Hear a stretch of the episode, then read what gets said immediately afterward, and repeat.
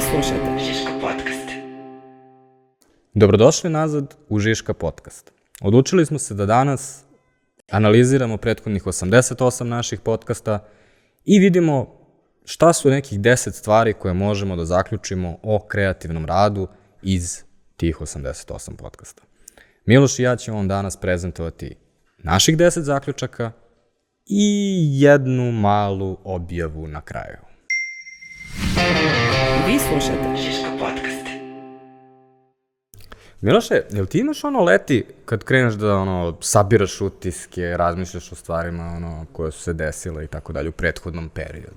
Da, kad svi odu na more, ja ne odem. Onda sabiram utiske i evaluiram sve svoje životne odluke otprilike.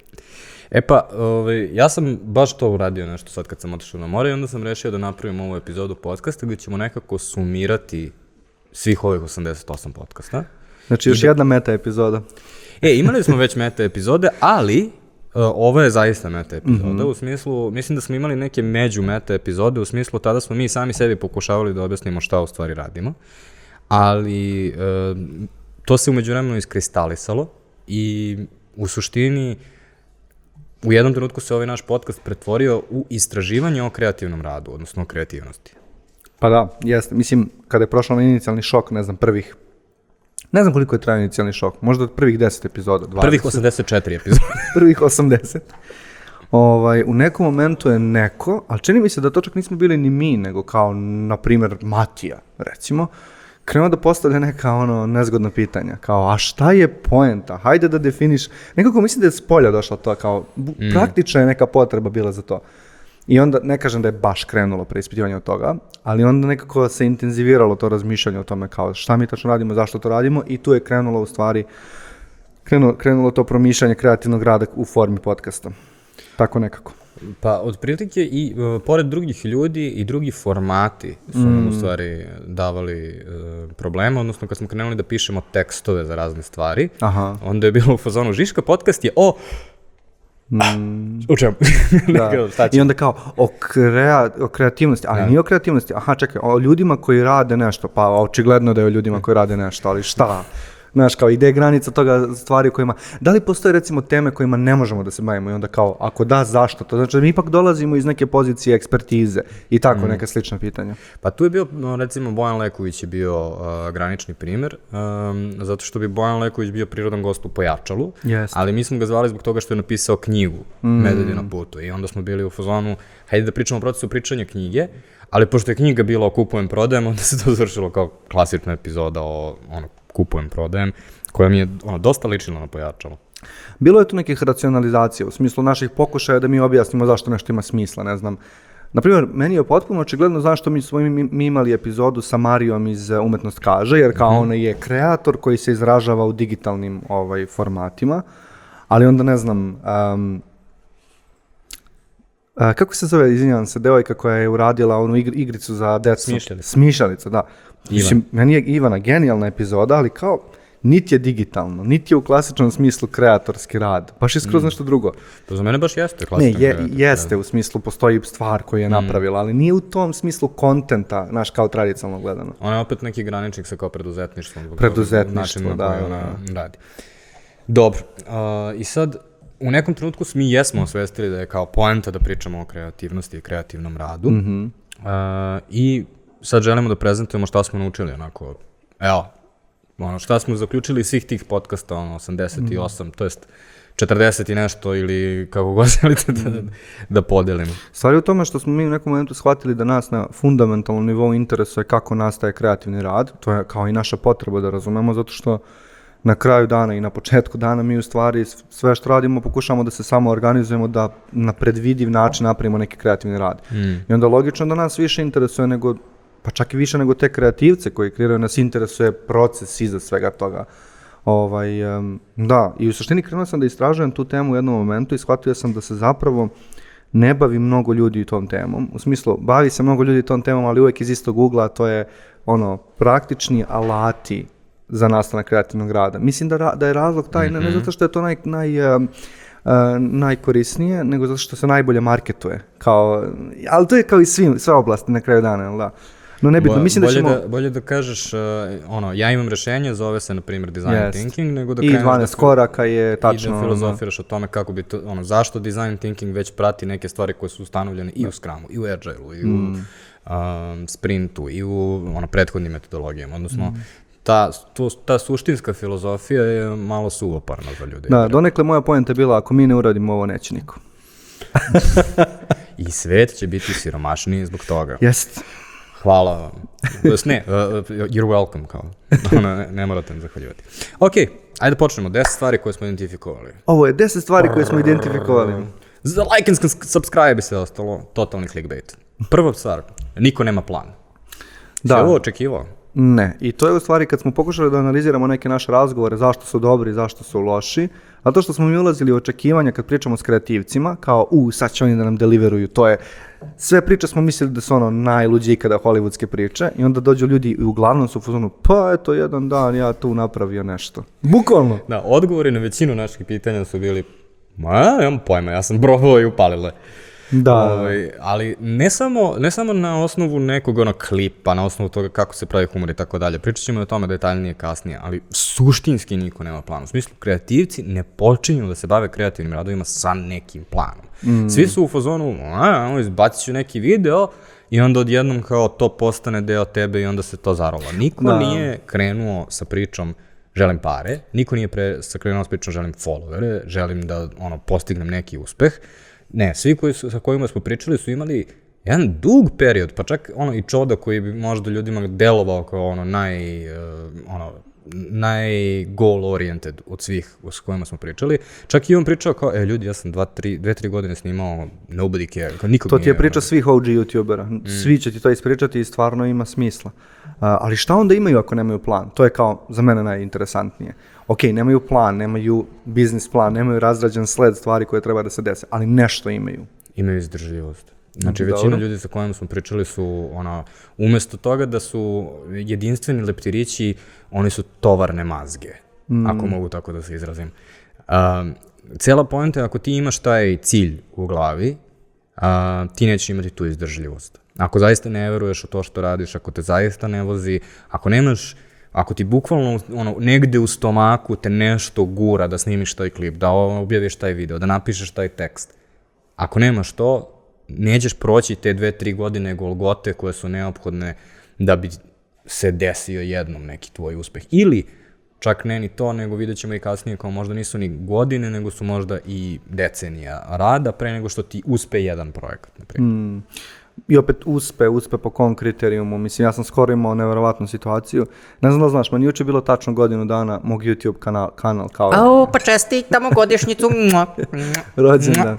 Da, i, i pričao sam malo s ljudima o tome i ono, neverovatno je, zato što kad ja sagledam tu godinu dana i kad pogledam sve što se desilo u recimo prvih 11 meseci, je beznačajno u odnosu na 12. mesec. Ako bi samo gledao cilj, ako bi samo gledao brojke, recimo. I bukvalno... da kaže da te gleda više od 14 ljudi sad. Ne, i dalje, 14, i dalje sam, na, ali konstantnih 14. Šalim se, m, poenta priče je kao zbunjujuće. Ne znam šta da napravimo te informacije i kada bi me samo ta stvar motivisala, to, ta stvar ne bi funkcionisala za mene. To je, to je cela poenta. Ne znam šta da napravim u glavi od tih podataka. Za mene, uh, mislim, ja sam pretpostavljao da je za neke kreatore tako, pretpostavljao sam da je za nišne kreatore tako mm -hmm. i znao sam da ćemo te odgovore dobiti od nekih ljudi koji nemaju velike baze, ali su nama bili mega zanimljivi. Ne znam, sat na ruci mi pada na pamet. Pa dobro, oni u tom trenutku. dosta veliki. Ali mm. u suštini, ono što je zanimljivo je čak i sa ljudima koji su došli do kao milionskih pregleda, svi imaju dve, tri godine bukvalno golgote ili čak neke prethodne projekte koje niko nije primetio i onda su odjednom se pre, preorijentisali, došla neka nova mreža, oni pokušali nešto što su već radili ranije, ali sa malom izmenom i onda je to proradilo. Mm, to je, imaš milion tih, uh, čak postoji neka kliše izjava koju ljudi stavljaju na Instagram ili tako nešto, a to je kao, uh, radio sam pet godina na uspehu preko noći. Ne znam da se čuva nekad tu, to je ono naj kao lame, ali kad pogledaš bilo koga od kreatora koji su poznati danas, ne znam, Jasrštajn, Njegovi najpoznatiji, e, najpoznatiji serijali nisu prvi nastali. Skoro sve što je prvo nastalo na njegovom kanalu više ne postoji. On je radio neku vrstu ske, grupnog skeča sa rotacijama. Ti protagonisti tih videa više ne vezuješ ih za Jastrštajn. Na primjer, radi to je Jastrštajn ili uzmi bilo čiji. Uzmi PewDiePie, ono kao. Sve po čemu ga danas znaš nisu stvari od kojih je krenuo. Ta, ta, ta stvar dosta onako evoluira i menja se vremenom. Uh, to je prva stvar. Niko Mhm. nema plan. Niko nema plan, ali potrebno je dosta izdržljivosti. Hvala puno. Potrebno je dosta izdržljivosti da se uopšte ono dođe do toga da razgovaraš o svom radu, da imaš dovoljno nečega da možeš se baviš time. A, druga stvar, i primetio si možda to u početku, ja sam krenuo da uvodim sebi disciplinu da više ne govorim kreativnost, Aha. jer je kreativnost baš užasno napunjena reč. Krenuo sam da govorim kreativni rad, iz razloga što je kreativnost rad, pre svega. I sad, tu moramo da se vratimo na to šta, šta mi u stvari, zašto je ovo iznenađujuće, zašto ljudi misle kao mm, da to nije rad, to je one, onaj mit sa sijalicom, kao mm -hmm. da, ideja ti samo odjednom padne na pamet i to je to. Druga stvar, kada gledaš bilo koji kreativni rad sa druge strane, sve izgleda lako. Cela poenta je ako, i, ako je lepo napravljen, ako je to dobar video, ako je lepo napisan tekst, mm. to teče, na primjer. A niko ne vidi ono 60 pasusa koji su obrisani da bi to tek, da bi taj tekst mogao da teče tako kao što A baš kao što si rekao, s polja kreativni rad izgleda kao sjelica, ali samo s polja, mislim, logično. A šta je iznutra? Pa iznutra je jedan, uh, jedan rudnik, ja bih rekao, i ne znam da li ti imaš taj osjećaj, ali um, kada god krenemo u ta produkcijska pitanja, pošto smo imali ceo deo tih produkcijskih pitanja, a kako ti, jel pišeš, a, mm -hmm. kako snimaš, a ko te snima, kako montiraš i tako dalje, Kad god smo ulazili u to, naši kreatori su bukvalno imali malo umoran izlaz lica A, i vidi se da su malo sagoreli i bili su u fazonu "Mm, da, i onda kao, neuspeh Jokeru, kao, i onda ja A zato 3-4 što- sata da. stojim u tom automobilu da bih snimio 10 klipova i ne ide mi. I imam 10 tejkova gde Paja treba da odgovori Milici u mom saksu. E, Stvar je u tome da u, u momentu kada oni budu pozvani u neki podcast, pa čak i naš podcast koji ono, često poziva ono, umetnike, to jest autore koji nisu toliko poznati, on je do tada već izdrljao 200 toga o čemu ti pričaš s njim. I kao, sigurno imao 5-6 kriza autorskih, sigurno mu je muka na neki način, dosta toga. A, da, i to je još jedna stvar koja je interesantna, niko nikad nije poka, uh, pomenuo kreativnu blokadu.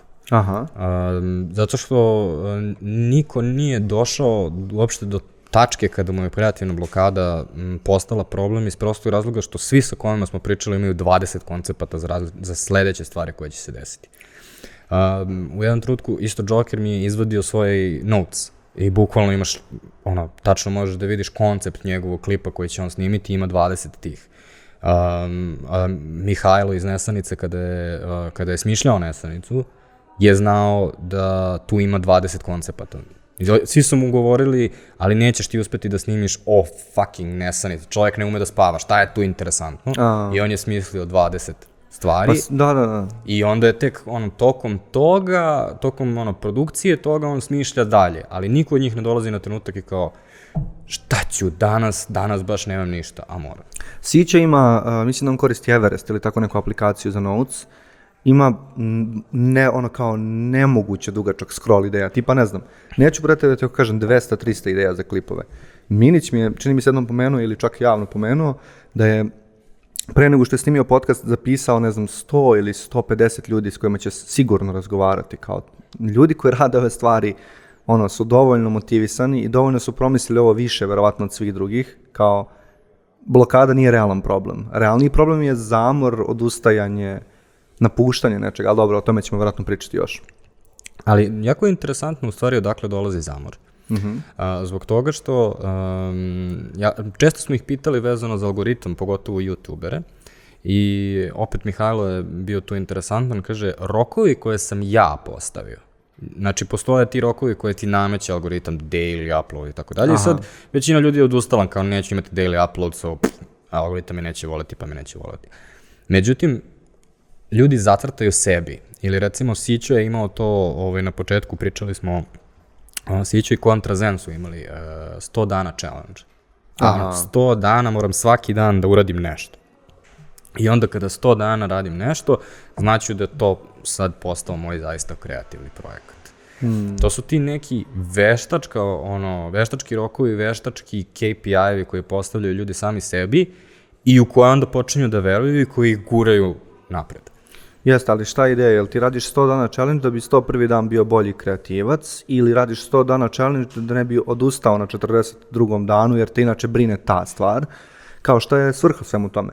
Nije pojenta da li ćeš odustati na 42. danu. Pojenta je u tome da um, u stvari je projekcija budućnosti u smislu šta je uspeh ovog, šta, šta je za mene uspeh ove ideje? I sad, vratimo se na onaj prvi deo, niko ne gleda, ne gleda uspeh u stvari kao pare, niko ne gleda kao followere, ne, oni, ono, kreativci uglavnom postavljaju uspeh kao šta je taj kreativni projekat uspeo, a onda to obično definišu kroz neki, uh, neku količinu ono, radova koji su izašli, videa, tekstova, fotki, koji su obradili tu temu. U smislu, iscrpeo sam tu temu. To je uspeh. I onda taj 100, ono, uh, challenge od 100 dana služi u stvari da zaista napadneš tu temu adekvatno. Mm. I kao kad završi 100 dana, možda će mi biti dosta, ali ću znati da sam bar postigao nešto sa tom temom, ono, zaista sam je kreativno obradio, ja bih rekao. Ja verujem u to. Ja sam u jednom momentu probao, nije me dugo to držalo, ali probao sam onaj kao uh, single sentence journaling. To ti je kao za ljude koji ne mogu da se naviknu da vode dnevnik, imaš opciju da svaki dan napišeš jednu rečenicu. I to je kao vrlo svedeno jednostavno očekivanje, kao šta god da ti se desi danas ili bilo koji da, dan, napisat ćeš jednu rečenicu. I kao, ispostavilo se da je dobra kreativna vežba, zato što kao dohvatno je, možeš jednu rečenicu da napišeš, ali ipak kad si već tu, ajde barem nešto da napišeš i kao, a opet ima taj moment discipline i zapravo mislim da na nekom sličnom mehanizmu funkcioniše i ovaj uh, 100 dana challenge i koji si pomenuo i Sićin i koga si još pomenuo, Kontrazena. Mm -hmm. Ima, ima efekta ta stvar, definitivno. I uh, tu sad dolazimo do čudnog odnosa kreativaca sa novcem. Mm -hmm. uh, zbog toga što sva, svačiji odgovor je nemojte to nikome da kažete, ali ja bih se ovime verovatno bavio i da nema para od toga. I uh, vraća se, uh, tu mi u stvari, meni se ta čakra otvorila na kontra primjeru, odnosno to je bila Ivana iz Smišljalica, Aha. zbog toga što je ona svoj kreativni projekat pretvorila odmah i u biznis, dok recimo dosta ljudi sa kojima mi pričamo se klasifikuju kao influenceri, mi ih nekad zovemo content kreatori, ali u suštini brendovi dolaze da rade saradnje sa njima, to je to je fora, ali to dolazi tek posle njihovog uspeha, to nije utkano u sam biznis model sa početka. I to je, to je u stvari, uh, ono, da, u trenutku kada novac krene da dolazi od kreativnog rada, postaje jako bitan, u smislu uh, dosta je bitno da možeš da, da se posvetiš u potpunosti uh, tom projektu, ali takođe u suštini svi bi se bavili svojim projektima i da nemaju novac. Samo što ne bi imali toliko vremena, ne bi mogli da izbacuju toliko često, ne bi to bilo na tom nivou produkcije i tako dalje.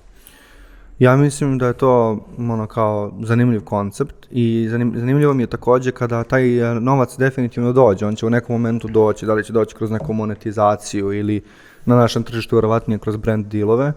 E, šta, šta se desi sa, sa kreativnim procesom i kreativcem? U nekom kao romantičnom shvatanju um, novac će ohrabriti kreatora dodatno da, pro, da proizvodi stvari. Ali ja mislim da se dešava jedna mm, kao paralelna dinamika, da obično kreatori nekako u tom momentu kada krene novac da pristiže razdvoje svoj kreativni kreatorski rad na, dva, na, dva, na dve strane, gde na jednoj strani rade ono što oni žele da rade, zaista, a na drugoj strani prave neki konstrukt toga koji je recimo, ajde recimo brand friendly, da mogu da sarađuju. I onda se zapravo m, kroz pretvaranje tog hobija u posao, oni zapravo se opredeljuju koliko će vremena ići na šta. I to recimo vidim dosta kod TikTokera, Zato što mi se čini da njihov, um, da je jako teško raditi brand, brand, brand integraciju sa TikTok sadržajem. Tako mi deluje trenutno.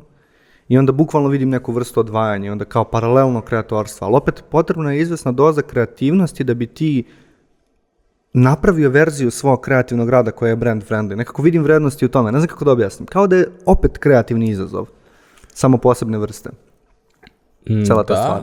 a veći je problem kod brendova zbog toga što po samoj definiciji brendovi već imaju izgrađene priče koje su izgrađene, njihov ton je izgrađen pre nego što je došao TikTok, i onda su došli tiktokeri sa svojim tonom koji vrišti, urla i e, tandrače i on nikako ne može da se sklopi sa klasičnom brand pričom. Mislim, Pa može, naprave se neki kompromis, nije uvek da, smisleno, ali, ali, ali... a, mislim, ono što, zašto, je ti, zašto su suštinski ono, tiktokeri kao ovaj novi talas tipa Vaj Vaj Branko i ostali, zašto su interesantniji, zato što donose zaista nov sadržaj, no, sadržaj koji nisi video ranije, u smislu to te, ono, napadate, ono, napadati sva čula, jer nije ono što očekuješ ni u jednom trenutku. To ni, nijedan brand ne može da isprati u smislu baš moraš da budeš ono, komforan da rastegneš svoj brand dosta ili da postoji baš dobra fora, tipa kao što su Vaj Vaj Nudle i Vaj Vaj, zovu se isto, pa onda eto, već je to fora. Ove, ali mislim da je dosta teško da se kao klasičan brand koji već ima izgrađenu priču dobrano da se ove, uklopi sa njim. Elem, treća stvar. Ponavljanje je presudno. Ovo je meni, um, ovo je meni u stvari bilo možda i najkorisniji uvid za kreativni rad, odnosno u, na poslu. Mm -hmm. um, zbog toga što uh, suštinski um, mi u agencijama ili mi u kompanijama konstantno pokušavamo da izgradimo procese koji će dovesti do sigurnog dobitka, odnosno da će sigurno taj projekat uspeti da napravi nešto pokušavamo konstantno da se usmerimo na, da, da maksimiziramo tu mogućnost. I onda pričaš sa ljudima koji imaju redovno milione pregleda i oni su u fazonu, ali niko ne zna. Ne, ne znam ni ja. Nekad ja postavim i iznenadim se. I, ili recimo, To svi kažu, lik da. koji je bio ono jako, ono, svi ovi uh, koji imaju cast likova, kao što ima recimo Nikola Adamović, krenu sa nekim od likova i onda kažu, ja sam to bez veze jednog dana stavio načare i kao naškrabao nešto na njima i odjednom ljudi su bili u fazonu da, da, ovo je presmešno, hoćemo više ovoga. Tako da... Dobro, um, ponavljanje je ovde eksperimentisanje, to je ono što sam ja nedavno tebe pitao i kao razgovarali smo malo o tome, gde se u agencijskom poslovanju dešava research and development.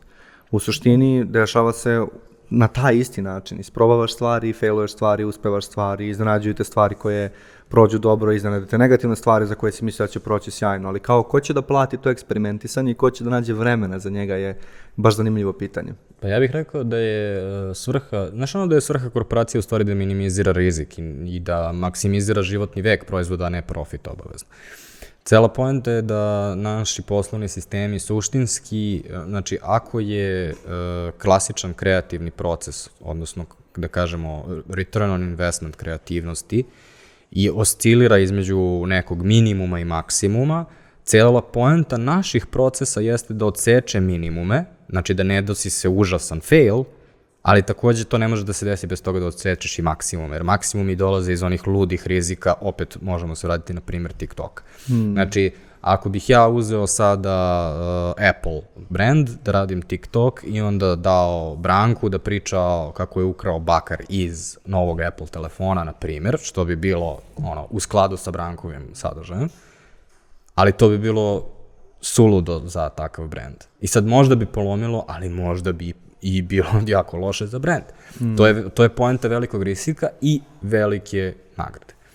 E sad, ovo je što sam naveo je ekstreman primjer iz čiste kreative, u smislu kreativne ideje. Sad, te iste stvari se ponavljaju i sa formatima, i sa produkcijom, i sa medijskim um, kanalima koje koristimo. Znači, u svakom trenutku mi u stvari balansiramo to šta je risk versus reward i mislim da u odnosu na individualnog kreatora koji živi i umire na osnovu svog kreativnog rada, bilo kakva organizacija odseca te minimume a samim tim mora da plati i odsecanje maksimuma.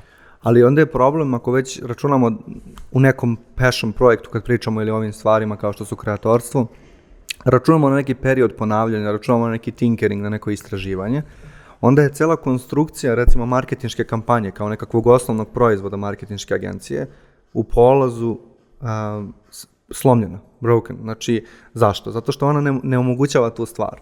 Cela, cela poenta marketinške kampanje ako je posmatramo kao jednu izolovanu stvar, je da nekako nacrta neke granice nečega što će se desiti u budućnosti, da definiše maksimalni broj elemenata toga unapred mm -hmm. i onda da obezbedi adekvatno izvođenje toga u skladu sa planom i merenje. A zapravo ono što je mnogo interesantnije iz ovog Google sadržaja su nekakve dugoročne inicijative, zato što dugoročne inicijative, pored svih ovih stvari, isto se planiraju, sve isto, ali takođe promišljaju neke načine kako ćemo iz meseca u mesec da eksperimentišemo, tinkerujemo, šta ćemo da merimo, kako ćemo da odsecamo stvari, dodajemo stvari.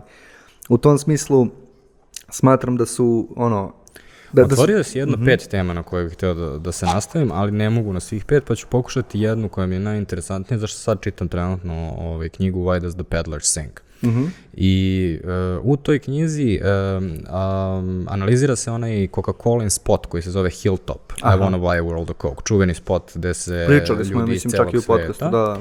Ovaj, pojavljuju i pevaju. Ovaj, to je u Americi bio veliki kulturalni trenutak. I jedna od stvari koje oni pokušavaju da a, iskopaju u toj knjizi jeste da li je taj konkretan spot doneo nekakav profit Coca-Cola i prodao određene Coca-Cola. E, I onda kaže, da bismo to ustanovili, mi moramo da pogledamo i period pre. Aha. I sad, ono što je zaključak kreativnog tima koji je u to vreme radio Coca-Cola u Americi, jeste da ovo je bio samo jedan u seriji spotova koje su oni uradili. Hilltop je bio peti ili šesti spot na istu kreativnu strategiju. Aha. Kao oni su identifikovali da uh, Pepsi dolazi sa Pepsi generacijom, u tom trenutku imaju veliki napad uh, od strane Pepsija i oni formulišu tu kreativnu strategiju koja je sta, strategija diverziteta, inkluzivnosti i tako dalje i zbog toga ceo svet dolazi da peva ovaj na tom hilltopu da žele da kupi Coca-Cola. I oni su imali više spotova koji su suštinski pristali, pričali tu istu priču, samo na drugačije su bili izraženi, druga, ono, bili su smanjeni produkcijski budžeti, pošto oni su tamo imali, morali helikopterom da snimaju taj hor mm. iz cele, cele, ono, svih zemalja na planeti koji peva i tako dalje. I njihova poenta na kraju jeste kako mi da sad ustanovimo koji, ono, ovaj spot jeste bio kulturalno primećen, u smislu ljudi su njega zapamtili, ali ne može da, da ignorišemo da ono, tri godine pre toga mi smo takođe konstantno on air sa drugim spotovima koji pričaju istu priču. I treći problem koji imaju sada, koji nije ovde relevantan, jeste što ih Pepsi napada, tako da ono, pitanje je ono, da se nisu oglašavali šta bi se desilo koliko bi Pepsi onda, onda tek uspeo da mm. dobije u odnosu na njih. Ali ono što je poenta je da kreativna strategija u stvari jeste krucijalna stvar. Odnosno, uh, ona ti omogućava da radiš taj tinkering. Ako imaš neku kreativnu strategiju koja je onako krovna, mm -hmm. koju neko kontroliše i koju u suštini a, brand team unutar kompanije i u agenciji konstantno s prilikom svake kampanje optimizuju, u smislu probali smo ovu kampanju, ovo je radilo, ovo nije radilo, ajmo sledeći put ovo u za, skladu sa tim zaključcima, na taj način možeš da dobiješ taj tinkering. Samo što je izuzetno teško, Zbog toga što jedan youtuber može da tinkeruje svaka tri dana kada izbaci klip, Tako jedan je. instagramer može da tinkeruje svaki dan, jedan tiktoker svaki dan, a ti kampanje izbacuješ jednom kvartalno možda, tako da je potrebna jaka količina mentalne discipline i razumevanja veoma visokih dvoznačnih, troznačnih koncepata da bi ti se razumeo, aha, šta je tačno kreativna strategija i na koji način smo mi se izrazili tu kreativnu strategiju u ovoj kampanji, mm. a da se dogovori osam ljudi o tome, to je onako baš zahtevan zadatak. Sve, sve što si rekao je tačno, nego sve vreme razmišljam o tome kako je obećanje digitala u jednom momentu, obećanje digitala brendovima u jednom trenutku je bilo da će to biti poligon za istraživanje. Ne znam da li sećaš tog perioda kad smo pričali kao tu imamo dosta posto, a možemo da merimo feedback, onda će neke od stvari koje se dobro prime ono prerasti u neke veće inicijative i tako dalje. To je u ranim danima digitala bilo i ono postoja narativ. Jeste i onda, ja se zaista pozivam da kolegu koji je napravio onaj meme sa Don Draperom i kaže, znam, Instagram konkurs, po, ono, pobednik dobija poklon epilator. Ovaj, ono, bukvalno taj meme cuts to the bone ovaj, za mene ono, u stanju u kome smo do, ovaj, u kome je digital na kraju završio. Ove, I to ne, ne mislim samo u Srbiji, znači ovo nije kuknjava, oh my god, jadna Žiška i jadna Srbija, zbog toga što posjećam te na onu priču o jednom globalnom deku koji smo dobili mm. I e, velika inovacija za 2020. je bila što su slikali svoj digital team koji stoji iza neke velike kamere iza onog lika što radi catering pa su skroz nazad u ćošku i kao velika inovacija ove godine digital team ima front row seats, kao sad, sad ćemo da ih uključimo zaista. Pritom to je znači ono globalna agencija iz Londona koja, ono, svi imamo te iste probleme i sad postoje inherentno stvari koje tu mogu si da tumačiš na oba načina. Sa jedne strane, da, može da se menja konstantno, ako može da se menja konstantno, onda obično i nije toliko bitno. I onda kada nije toliko bitno, onda se ne bavimo time zaista i onda, bez obzira što možemo da dođemo do sjajnih uvida preko digitala, onda ti uvidi obično ne izgledaju dovoljno bitno koliko oni koje smo došli preko fokus grupe koje smo ono, organizovali mesec dana i platili 10 puta više, na primjer. Mm. Ali eto, možda nekome bude inspiracija da razmišlja u tom pravcu. E, nama je bila inspiracija da napravimo svoj novi slogan, sve je random, i koji e, čekamo već godinu dana na majici, ove, koje, koje ćemo, nadamo se, uskoro konačno obući. Znaš šta je najbolje kod te, maj, e, kod te majice? Prvo, na majici piše sve random i ja, pošto imam prototip, nosim je kao stalno i niko nikad nije uspio da pročita. To je najbolja stvar. I svi kao, ako ja sedam recimo negde u kafiću, nekom, i svi kao, sve jer, sve jer, ja kao, exactly. To, je, to je bukvalno klasična naša fora. Da. U smislu, uh, ljudi su u fazonu, "Ha, nešto, i mi smo u fazonu, ali znaš šta znači? I onda ljudi su u fazonu, ne. Tipa, objašnjavao sam uh, drugarici koja je dobila naš duks. Uh, ona kaže, uh, hvala, hvala, ja kažem, NNČTSZD. Šta ti je to? Mm. Kao, pa nema na čemu, tu smo za sve dodatno. Stvarno? A to je ono što mi piše na duksu. ja rekao, da, kao, zar nije bilo čudno što imaš neka slova na duksu? Pa meni se kao svidela boja. Da, da, taj faz. Elem, ovaj, e, odličan primjer za to e, je ime dnevna doza vina. Mhm. E, ka- kako si smislio dnevna doza vina? Pa, ja sam stavio bila dnevna doza ovog, dnevna doza onog, mislio sam to će mi biti placeholder ime neko vreme, posle dva meseca se naviku i eto, išlo se, išli smo sa tim. Kao i svako ime ikada, skoro. Da, kao naše storage time koji smo među vremenu ovaj, sad odustali zato što smo bili u fazonu niko nas živ ne zna kao storage time. Kao... E, to je tinkering. Znači, mi smo imali ime i onda je došao feedback iz zajednice, posle, ne znam, 20 epizoda, shvatili smo, niko ne referira na nas na taj način. Ok, menjamo ime. Izuzev, Da? pričao sam sa par ljudi i to je, ono, tu smo nekako kreirali uh, ono, različite nivoe naših fanova. Dobro.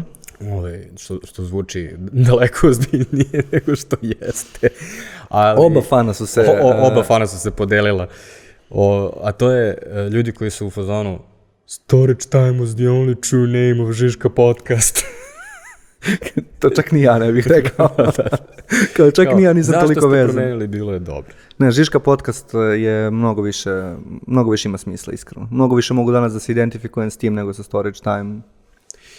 Elem, sledeća stvar. Uh, svi rade na osjećaj. Um, da. Ovo je možda najveće razočarenje kao moj zaključak.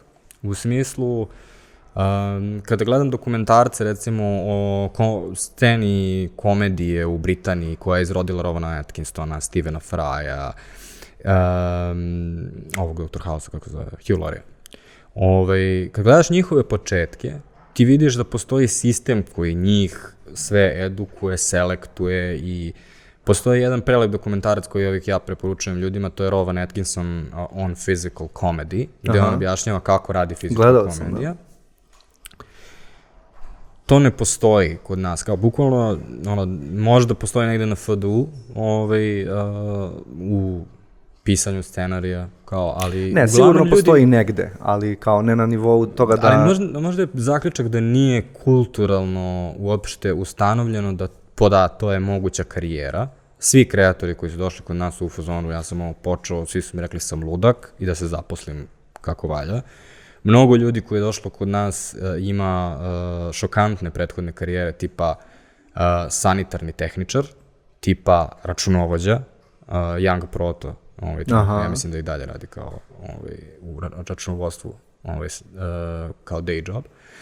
Um, tako da, u suštini, dve stvari su tu, ono što me, što, što mi je zanimljivo. Jedna je što uopšte nije moguć put, ljudi to ne, vid- ljudi ne vide kreativni rad kao releva, ono, moguću, moguć put ka karijeri, a drugi je što ne postoji ni način da se, ne, ono, niko od njih, bez obzira što postoje ti neki resursi koji su online, niko od njih ih nije zaista iskoristio i suštinski rade na osjećaj. I kao kad treba da osvetite, recimo, uh, čak i kada koriste određene stvari koje su, ono, imaju nazive kao tehnika, oni to ne dođu kao naziv tehnike, nego dolaze reverse engineeringom u smislu probali su, uspelo im i onda su u fazonu, e, ono što sam onda uradio i svako ima neki svoj naziv, svoj sistem kako radi, što mislim da je samo tužno zato što je teže. U smislu mm, olupati glavu da sam smisliš šta znači callback je daleko teže i nego da ti neko to jednostavno objasni i onda kada ga koristiš u fazonu si, a, da, radimo ovo, okej, okay. ili sada bi mogo da iskoristim ovo. Postoji još jedna stvar o kojoj nekako nije kao cool pričati, a to je ogromna količina naših um, naših kreatora su bili jako inspirisani nekim stranim kreatorima koji su došli sa izvesnom vrstom institucionalizovanije podrške. Znači, kao, da, oni su mnoge stvari uradili na osjećaj, ali su mnoge stvari, i ako to možda i ne osvešćuju, naučili od nekih um, stranih kreatora koji su prošli neke škole. Jer šta je fora kod nas? Kod nas je ta penetracija smart uh, pametnih telefona i društvenih mreža jako visoka, a u trenutku gde nije postojala jaka velika, nije postojala jaka institucionalizovana podrška. I onda kao sve je freestyle. Ali nije, zato što je globalno tržište i tu uplivavaju neki Britanci, Amerikanci, uplivavaju neki školovani glumci, kao što znaš i sam na TikToku. I veruj mi da se naši ljudi inspirišu i tim ljudima. I da, obe, obe sile su na snazi. Oni freestylu i onda doguraju do nekih koncepata, ali ponekad su i potpomognuti sa strane. Mm, ne bih da mi pogrešno razumeš, um, to što oni rade na osjećaj, ne znači da oni ne uče.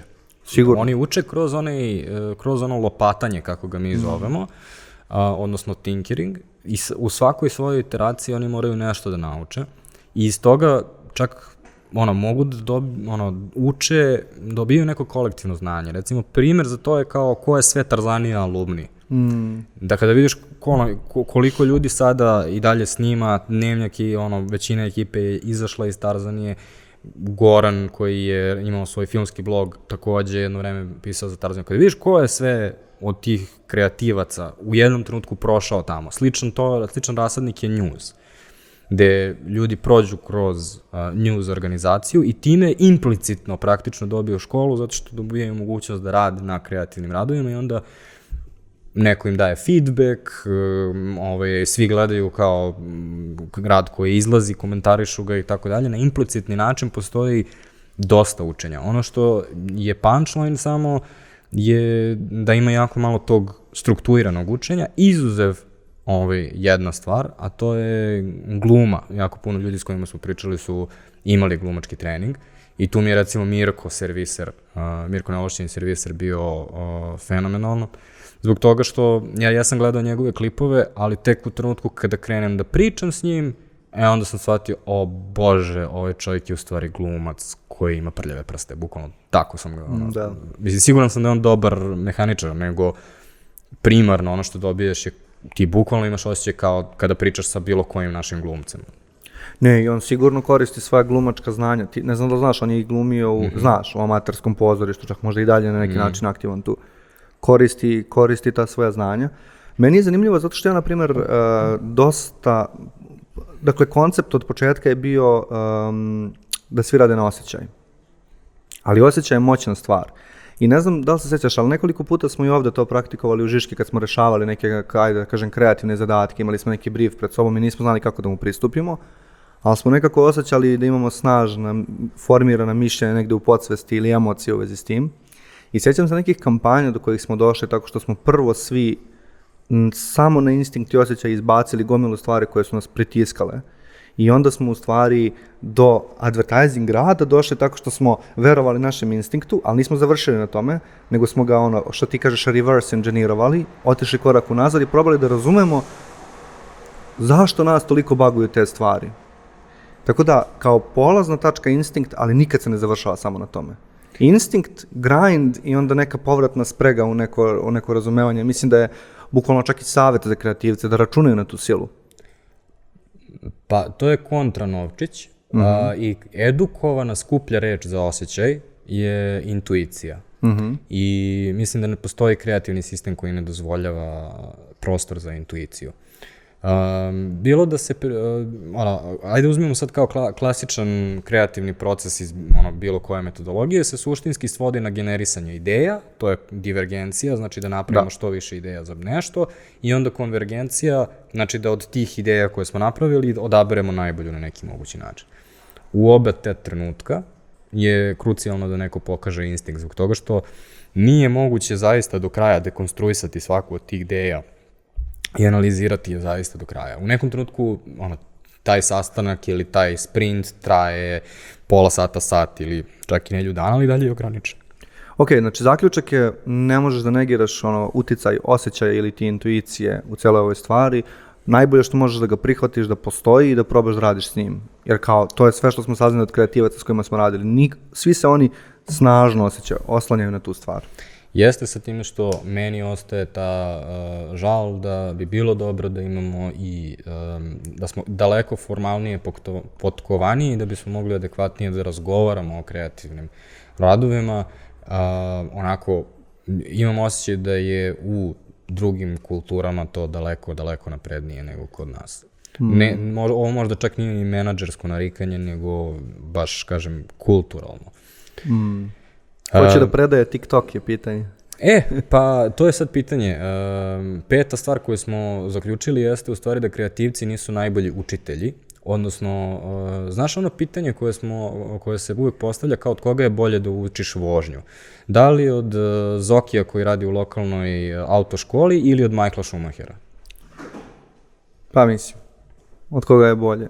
Nemam dobro iskustvo ni sa Zokijem. Ali da, pretpostavljam da je to punchline, kao možda bolje ipak Ne, šta, Zoki. šta ti misliš? Ne, ne, ne, znači nemoj da sad uh, igraš protiv moje, moje zagonetke. Pitanje je šta ti misliš? Pa hajde onako kao um, naivno bih rekao da bih uvek radi učio od Schumachera, naravno nema bukvalno ovo da shvatiš, ali od Schumachera zato što više verujem u sebe kao učenika nego u njega, u njega kao predavača. U smislu, razumem da on ne bi bio idealan predavač za mene, ali se oslanjam da bih ja uspeo da izvučem iz njega sve što meni treba kao iz njega kao izuzetnog, kao u tome što radi. A ovo je naravno vrlo romantično, shvatanje sebe kao učenika i uopšte tog procesa. Um, da, nikad nisam ono kao sedao i razmišljao, baš bih volao nekog basic lika da me uči zato što je on kao naučio mnogo ljudi. Mislim da to nije prirodan način na koji zamišljamo bilo šta. E, sad si se zeznuo, okliznuo si se, rekao si basic lik. Uh, naime... Uh, Ne postoji basic lik. Ne, predavanje, e, predavanje znanja je umetnost samo po sebi. Um, strukturiranje svog znanja na način na koji je drugim ljudima pitko je umetnost samo po sebi. Mm. biti edukator uh, zahteva o, ono, ogromnu dozu empatije, čak vidjet ćemo u jednim od narednih zaključaka možda i kontra od onoga što vozi kreatora jednog. Tako da, um, to je ono, ono, te, ono, on možda jeste basic u smislu nije vrhunski kreativac, ali u slučaju da jeste vrhunski edukator, onda je bolji uh, komšija Zoki uh, nego Michael Schumacher. Pogotovo zato što realnost, realnost uh, organizacije jeste da Michael Schumacher ima 5 minuta za tebe i koliko god ti bio pametan i možeš da ga kopiraš, biti, biti 5 minuta u njegovom prisustvu ti neće doneti toliko, neće ti toliko istopiti mozak koliko će ti Zoki kada ti dva dana objašnjava ovaj, kako se u Rikverc uh, da ono paralelno parkiranje. Zoki vjerojatno ima i neku pesmicu koju je skovao, ono, učeće generacije o tome, ili barem neku bezobraznu rimu. Pazi, sad smo previše otišli u ovu metaforu. Punchline je bio da, um, da u suštini um, očekivali smo da će nam a, kreatori doći sa mnogim uvidima o svom kreativnom procesu. Meni je delovalo kao da, a, s obzirom da dosta njih radi intervjue koje su u stvari celebrity intervjui, u smislu, ono, ne idu pretrano duboko u njihov kreativni proces. Deluje mi da su neka pitanja koje smo mi pitali, prvi put su se oni zapitali vezano za to. Mm. I to je pitanje koje mi smo u stvari želeli da budemo ti učenici, a on, oni su trebali da budu naši šumaheri i ono što smo dobili je često nemam pojma, ja to radim na osjećaj i kao, ovaj, to je to. Jesi gledao nekad neki master class? Znaš taj koncept? Mm -hmm. Ili bukvalno master class ili neki master class?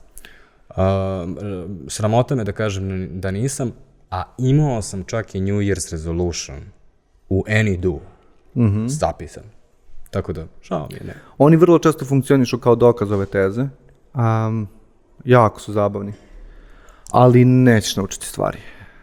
Zato što u boljem slučaju kreativac ume da priča o svom kreativnom radu na način koji je stimulativan, a u gorem ne ume čak ni to. U gorem čak ne ume, da ni, ne, ne ume čak ni da interpretira svoj rad. Jesi nekad slušao, možda, vjerojatno nisi, ali to je meni u jednom momentu bilo zanimljivo, recimo pesnike koji ne umeju da čitaju svoju poeziju ili pisce koji ne umeju da čitaju svoje delo. E, to je bukvalno to. Ne, ne ume čak ni da pročita svoje delo, a delo je genijalno. Iskasapi ga da ga pročita. Jep, lekcija podcasta je da mnogi kreativci se ne osjećaju komforno ili jednostavno ne mogu da predaju o svom procesu. Nisu, nisu možda nikada bili primorani da na taj način verbalizuju ono što su naučili. Mm. Njima je okej da to ostane negde implicitno, nemaju direktnu motivaciju da urade tu stvar. Da, a i suštinski moj zaključak prvenstveni je, a zašto smo mi uopšte pretpostavljali da je tako? Zato što smo želeli to, to je fora. Mi smo želeli da se to desi. Ne, nego postoji ta neka implicitna ono, aha, on je dobar, pa stoga verovatno zna i da nauči druge ljude tome. To su dve različite ono, stvari, to, to je u stvari punchline. I recimo, toliko različite da čak uh, kad nam je bila doktor Cosmic Ray, uh, Tijana, um, ona je edukator, ali ona je edukator o fizici. I onda kad smo mi obrnuli pitanje, kao nas ne zanima u stvari fizika, nas zanima kako tvoj kreativni proces, kako ti dolaziš do toga, u tom trenutku ona je bila u fazonu, let's get back to physics. Da, nije razmišljala o tome. Njoj to nije bitno. Mm. Da to promisli na tom nivou. A šta to govori uh, o našem radu i o generalnom radu advertising? A ništa dobro, bojim se. Kreativnom. Ne znam, šta govori o našem radu? A, pa, recimo, moj zaključak uh, kada smo mi pravili našu praksu je često bio u stvari lamentiranje nad ovim odsust, na ovim odsustvom ono, uh, resursa oko nas. I uh, praktično sam shvatio da je naša praksa, ako želimo da stvorimo agenciju kako želimo da stvorimo, je neophodno da bude sledeći stepen obrazovanja, koji god da je to sad po broju, jer tek tad u stvari počinješ da uh, se spuštaš ono u konkretno ovaj posao i onda ti objašnjavamo sve što smo mi naučili kao pravila. A, I tek sa tim pravilima ti možeš da kreneš da radiš dalje. I ono što je u stvari punchline u kontekstu ove, ovog zaključka je da ja ne vidim mogućnost da ti prosperiraš kao agencija ako nisi edukator.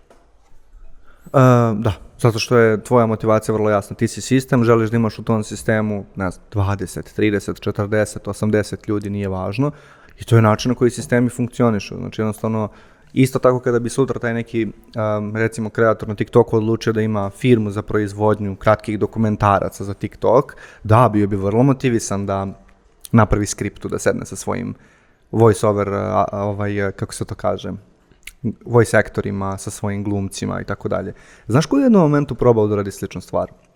I na neki način uspeo. Uh, opet Jasarštajn. Uh, ali opet to je došlo iz motivacije, znači on je bio jedan od tih prvih influencera i kako je posao krenuo da se gomila i ta nešto, nešto što je Jasarštajn vibe krenulo da se izdvaja, on je krenuo da uvodi neke ljude u posao. Stuberi su takođe to uradili. Krenuo je da uvodi neke ljude u svoj sistem s polja, da ih indukuje, slično kao što agencije to rade, da ih obučava o tome, ej, o, um, ovo što je do sada bilo Dario stil montaže, sad ću ti objasniti kako da ti montiraš da to bude Dario stil montaže i onda kao, aha, to su brzi katovi, upotreba pop culture referencije i tako dalje. Tako da ako postoji motivacija da kreiraš sistem, sistem jednako dugoročnost, profitabilnost, samoodrživost i tako dalje, da, mislim, bit ćeš vrlo Bićeš primoran i bit ćeš vrlo motivisan da praviš edukat, ono kao, da na, napraviš način da znanje ne ostane implicitno. Šesta stvar. Uvek počinje tako što neka budala kaže, e, hajde stvarno to da uradimo.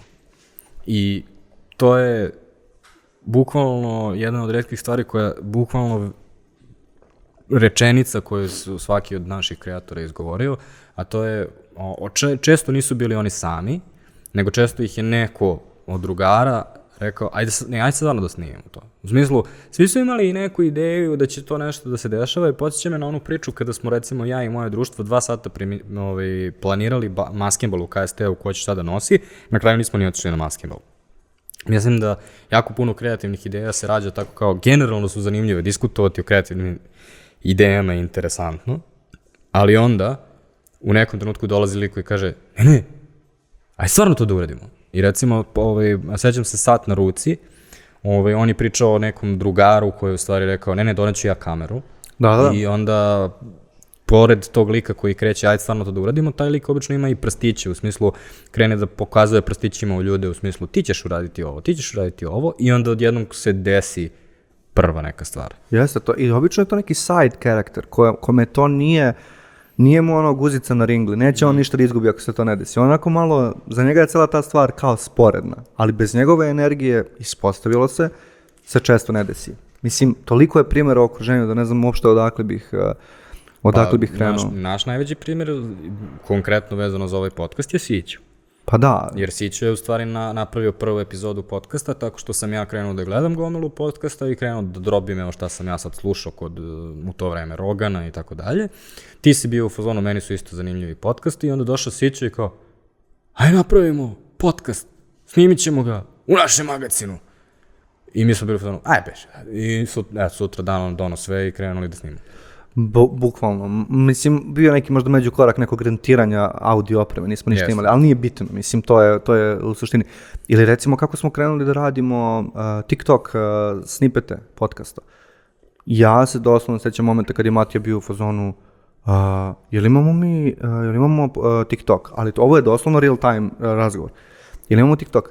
E, pa nemamo, znaš smo eksperimentisali, ali nemamo Žiškin TikTok. Aha, a gde je onaj agencijski telefon? Evo ga ovde pored mene. Aha, dodaj mi taj telefon. I lik uzeo i napravio TikTok 20 sekundi kasnije. Ali kao, zvuči kao da nije bitno to što je on radio. Ali odjednom postoji TikTok profil, treba nešto okačiti na njega, razumeš? A, a takođe, um, mislim da je kreativna hrabrost tu dosta bitna iz razloga što ti prvi draftovi su uvek ružni i naš taj prvi video ima nekih 22.000 pregleda, ali je snimljen krompirom, um, zvuk je užasan, uh, Mirko svakom čast je bio odličan gost, ali ga jedva vidimo u onom Doneo mraku. pršutu čovek. Ono pršutu i ono na vašem podcastu vi žderete pršutu na tamnilu, to je najbitnije, kao pusti podcast, ovde se ždere.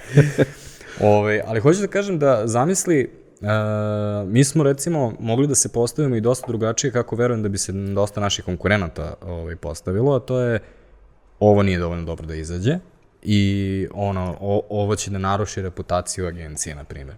Kao, znaš to ono, kao, o, ovo ne sme da izađe, znaš taj sindrom? Da, da, da. Pa ima, stalno to imamo. Imali smo to za naše Instagram storije.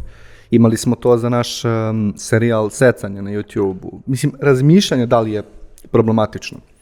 E, čak Ali- imamo, izvini, imamo disclaimer na špici se. Mislim, ti ne razumeš koliko se stvari random dešavaju. Logo secanja je nastao tako što sam se ja našalio na sleku.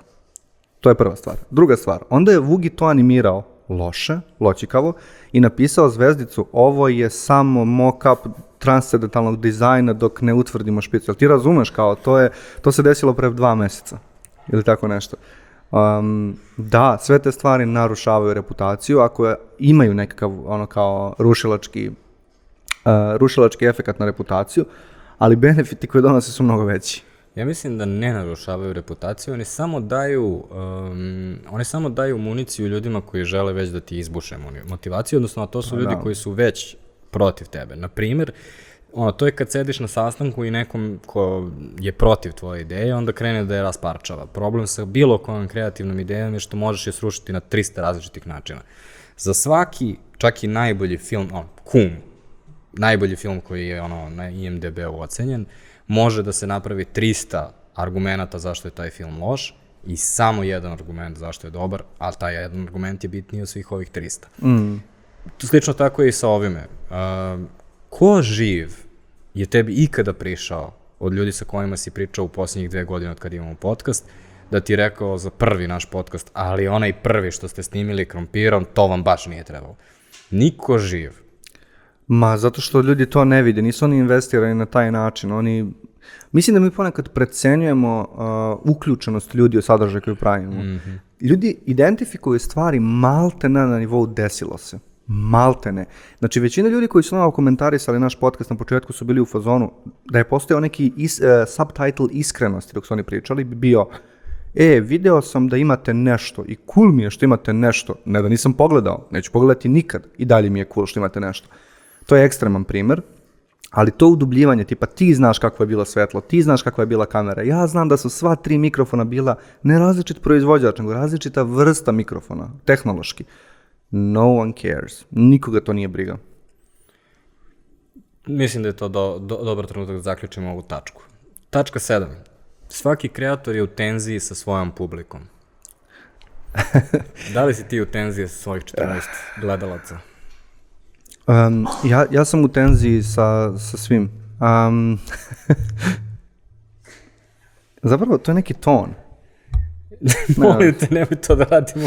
Ljudi nas slušaju. Um, da li, e, svaki kreator je u tenziji sa svojom publikom, ovo je apsolutno tačno i funkcioniše ovako. Kreator krene da radi neku stvar. Publici se dopadne ta stvar. Publika želi mnogo te stvari. Želi hiljade te iste stvari. A, ne znam što mi pokazuješ. Daj mi olovku, ajde. Zapisat ću sada da ovaj deo isečemo zato što smo krenuli da drndamo ovaj, oko 54 od toga. Eto vidiš. 54 je na ovom. Kaže tinkering, eksperimentisanje i onda napravi jedno, pipne žicu i u fazonu je briši ovo. Gde smo bili? Um, kako funkcioniše tenzija? Kreator krene da radi gomilu stvari, krene da tinkeruje, krene da eksperimentiše, krene da se zeza. Onda publika, publika ignoriše većinu tih prvih pokušaja i onda iz četvrtog, petog pokušaja zapravo odreaguje na jednu stvar. Sve što se dešava od tog trenutka u dinamici je da ta publika, koja odjednom postaje 99% publike, želi samo još te stvari. Ali šanse su da kreator nije želeo to i da to uopšte nije bila njegova vizija. Ali sada se on suočava sa izborom koji je težak. Da li će on da radi ono što on želi i dalje i da nikako ne rezonuje ili će dati publici ono što publika vrlo očigledno želi da nagradi. I kao tu kreće tenzija. Sve dalje tenzije su samo nekakvi derivati te tenzije. Um, Casey, Casey je izgradio svoju publiku na daily uploadu. To je mlada publika, to je ono, to su tinejdžeri. Ti i ja gledamo Casey-a, nam, mi nas interesuju ono, Boga pitaj šta, nekakve suštinske životne istine. Ali njega, njega kao kreatora definiše i ceo njegov rad to da li će on da da svojim tinejdžerima daily upload ili će nama da da svoj promišljeni video. I kao verovatno ni njemu nije lako da donese uvek tu odluku. Tako da, da, mora da postoji tenzija, ali da? Suštinski to je glavna tenzija, u smislu svako od uh, kreatora sa kojima smo pričali je nekako akutno svestan mm. šta su popularni sadržaji, ali onda pored toga ima nešto što, bi on- ono, što oni žele da guraju. Ili, um, za to mi je najbolji primjer u stvari Kontrazen, za koga smo, ono, veoma smo ga otvoreno pitali to šta bi se desilo da ljudi reaguju recimo najbolje na tog uh, detektiva Pacova.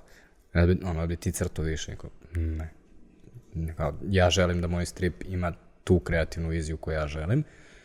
I svim, ono, svima je drago što je publika tu. Ni, niko od njih e, nije nezahvalan što ih stotine hiljada ljudi prati. I ono, prati šta rade i uživa u njihovom kreativnom radu. Neko mora da vidi kreativni rad da bi on postao živ. Ali u isto vreme postoji ta distanca među njima. Um, razmišljam o bendovima koji su one hit wonder i onda moraju celu karijeru, tipa 30 godina da izađu na binu i da odsviraju, ne znam, um, ne znam, put beznađa, ako se ritam ne reda. Ovo je baš bilo glupo. Ovaj, Um, mislim- Ali malo je slično. A, malo je slično sa time što muzika ima taj, muzika se tako i konzumira. Aha. Muzika je jedan od redkih formata koji ćeš slušati u nedogled. Tako da verujem da postoji ipak malo drugačiji, da je drugačiji kreativni proces tu. Ovaj, Mm. Duše nismo pričali sa muzičarima, ovaj, tako da ne znam. Jesmo imali nekog muzičara? Ne, Mislim da nikada. nismo. Ja, pa Proto, mislim Proto pravi Proto bitove, ali da, nije okej. klasičan muzičar u tom smislu. Šta ćemo s tom tenzijom? Je li ta tenzija bitna? Jel ne? Mislim, kao, mislim da je bitna za kreatora, kao neka lična borba, ali ne znam kako je bitna ostalim ljudima. Pa, mene to uvodi u uh, sledeću stvar, a to je da kreativci uvek imaju viziju. Mhm. A to je, u stvari, ta tenzija dolazi iz te vizije koja uvek postoji u nekom trenutku. Nije uvek osvešćena. Recimo, sa, kad smo pričali sa umet, Marijom iz Umetnost kaže, mi smo očekivali da ona ima, kao praktično smo očekivali političku platformu iz, ob- s obzirom na, na način na koji ona postoje.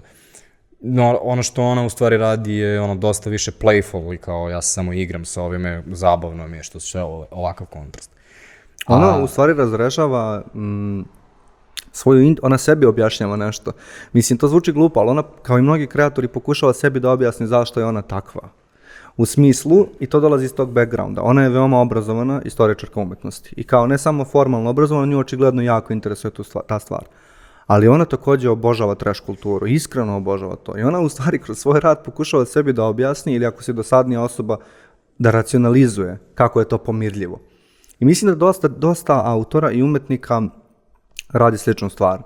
I da u stvari taj njihov krik, to je onako malo bezvezan izraz za to, u smislu pompezan, dolazi iz toga što oni sebi, oni pokušavaju sebi da pomognu. Ajde recimo tako. ili imaju neku eksternu motivaciju, ali ona sigurno postoji. Znači, nešto što, nešto što nije obavezno taj pojavni oblik toga što ti vidiš, tipa taj video i tako dalje. Niko od, od suštini od kreativaca ne počinje sa time ja želim baš da napravim takav video. Svi imaju nešto iza što ih vozi. Mm. Najekspresivniji po tom pitanju su mi bili Marijan i Tanja iz Tripin Srbija, Aha. koji imaju ono, oni žele da promovišu turizam u Srbiji. To je ono veoma jasna vizija koja, koja kod njih izlazi. Uh, svi ostali sa kojima smo pričali su sad manje definisani, ali dalje sa svima možeš da vidiš ne, ono, nešto tu postoji što ih, ono, što je u stvari suštinska vizija koja ih vuče napred kao kreativce. Neobavezno njihov trenutni kreativni projekat. Mm -hmm. um, sli, slično tako i recimo i, i sa nama. Ove, I mislim da je ovo bio veliki downside ovog koncepta. Aha. U smislu mi nismo imali viziju zbog toga što nemamo autora. Mi smo bili grupa autora, mm -hmm. a, a češće smo bili ono grupa građana. Ove, skupili smo se. U smislu, uh, tvoji podcasti su se dosta fokusirali na gaming. Ja sam u jednom trenutku krenuo da se uh, bavim managementom, niđe veze sa, uh, sa onim našim konceptom. Jelly je uradila par uh, podcasta koji su bili vezani za film. I onda na sve to dođe Veljko, bam, pričamo o stripovima i motivaciji. I kao, milje U aktivizmu. I problem sa tim kreativnim radom je, ako nema viziju objedinjenu, ovaj, ljudi onda ne znaju na šta reaguju. To je recimo dosta veliki problem našeg trenutnog uh, koncepta u tome što, zašto bi iko nas pratio osim ono, šta nas objedinjuje da bi neko zapratio Žiška podcast, razumeš? Mm, veoma je, da, veoma je zamagljena ta ideja. U najboljem slučaju postoji neki e, zajednički tretman, postoji neki način, kao neki naš način kako mi pristupamo temama, ali to je onako opet malo romantičan pogled na tu stvar. U suštini, da, to je odsustvo vizije.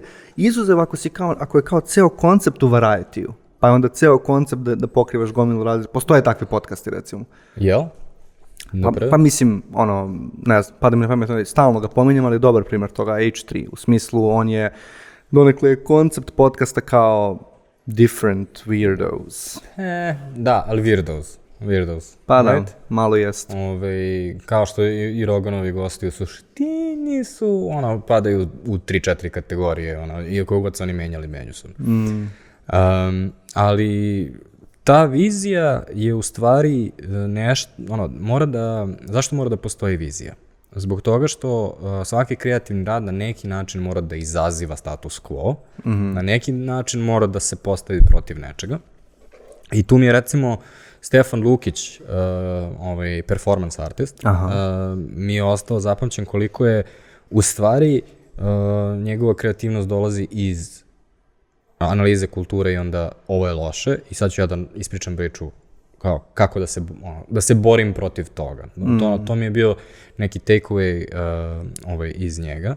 A, I sad ono što smo mi pokušavali da uradimo je da um, se borimo protiv tih nekih mediokritetnih um, ovaj, završetaka razgovora. U smislu trenutak kada se, za, uh, pokušali smo kažemo, kada se završi klasičan novinarski intervju, tada počinje podcast. Mm. I time smo kao izvezli u stvari težinu na težinu pitanja. Recimo Mija Popić iz Sinergije nam je rekla kao dosta su vam teška pitanja, u smislu te stvari koje mi pokušavamo da izvučemo nisu obavezno stvari koje možeš izvući u podcastu, bukvalno su filozofska pitanja za koje neko treba razmišljati dva dana i onda verovatno napiše blog ili knjigu o tome.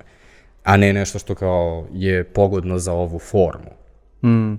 Osim ako uspostaviš taj ceo kontekst u kojem je u stvari forma neuspešno odgovaranje na jako filozofska pitanja, što je onaj pod, razgovorni podcast o uh, klozetima gde se vrata ne zatvaraju pa moraš da držiš jednom nogom vrata dok uh, pokušavaš da piškiš.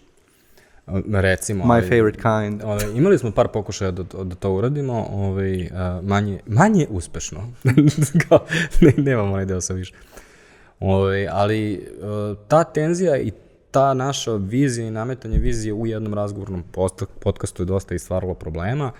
Ovaj, em, dosta, recimo za mene, e, dosta ljudi je reklo kao prekidam ljude dosta često. Mm. Razlog zašto prekidam ljude je zašto pokušavam da izvučem nešto vezano za tu viziju i um, onda želim da postavim pod pitanje koje će gosta navesti na bolji odgovor. Um, I onda kada to slušaš sa strane, to zvuči u stvari um, ono, ne zvuči dobro, zvuči neprijatno. Zavisi šta i to je očekuješ o- od tog iskustva. Meni, na primjer, ta prekidanja uglavnom nisu smetala. Uh, da, ali ogromna je razlika između to, zašto ti si ovde. I ja kad prekidam nekoga ovde u razgovoru i pogledam te u oči i dobijem tvoj implicitni pristanak sada da ću te prekinuti, to je ogromna razlika u odnosu kada neko sluša, i, ovaj, kao što čak i gledaju preko YouTube, oni obično stave podcast pa slušaju. To se ne vidi. Ovo ti se inače zove u novinarstvu Olja Bečković debata. Jel? Pa da, zato što ona um, najbolje ikada prekida ljude. A, no, ovaj, ne znam da li dalje, ovaj, jel ona i dalje u 2021. godini ima Telefon. zovite me sa fiksnog telefona? Ja mislim da je to toliko on brand da ne mogu, ne znam, jako sam srećan zbog toga. Mene baš ispunjava radošću. Elem, vratimo se mi na naš podcast, ovaj, pošto Oljin podcast još uvijek čekamo. Ovaj, ovo što, o, o, ta vizija i ta posvećenost viziji u suštini nekada bude registrovana kao ego trip ili egomanija. To je ono čemu si ti pričao sa Adijem i Sodom. Mm -hmm. Svako od ljudi sa kojima smo pričali može da bude registrovan kao egomanija. Zato što su to ljudi koji suštinski, to niko ne izgovori, ali oni suštinski veruju da je bitno ono što oni misle. Mm. That's fucked up. Znači ta polazna tačka je fucked up. Ili nije, zavisi kako gledaš, na kreatorstvo, na našu svrhu uopšte. Ali poenta da, svi kreatori koji su započeli išta, bilo da je to Instagram profil, TikTok, YouTube kanal, blog, uh, pomozi mi, društvenu igru za decu i tako dalje, oni na nekom dubokom nivou veruju da je bitna njihova perspektiva i da je bitno ono što oni imaju da kažu. To, je, to jeste ego trip.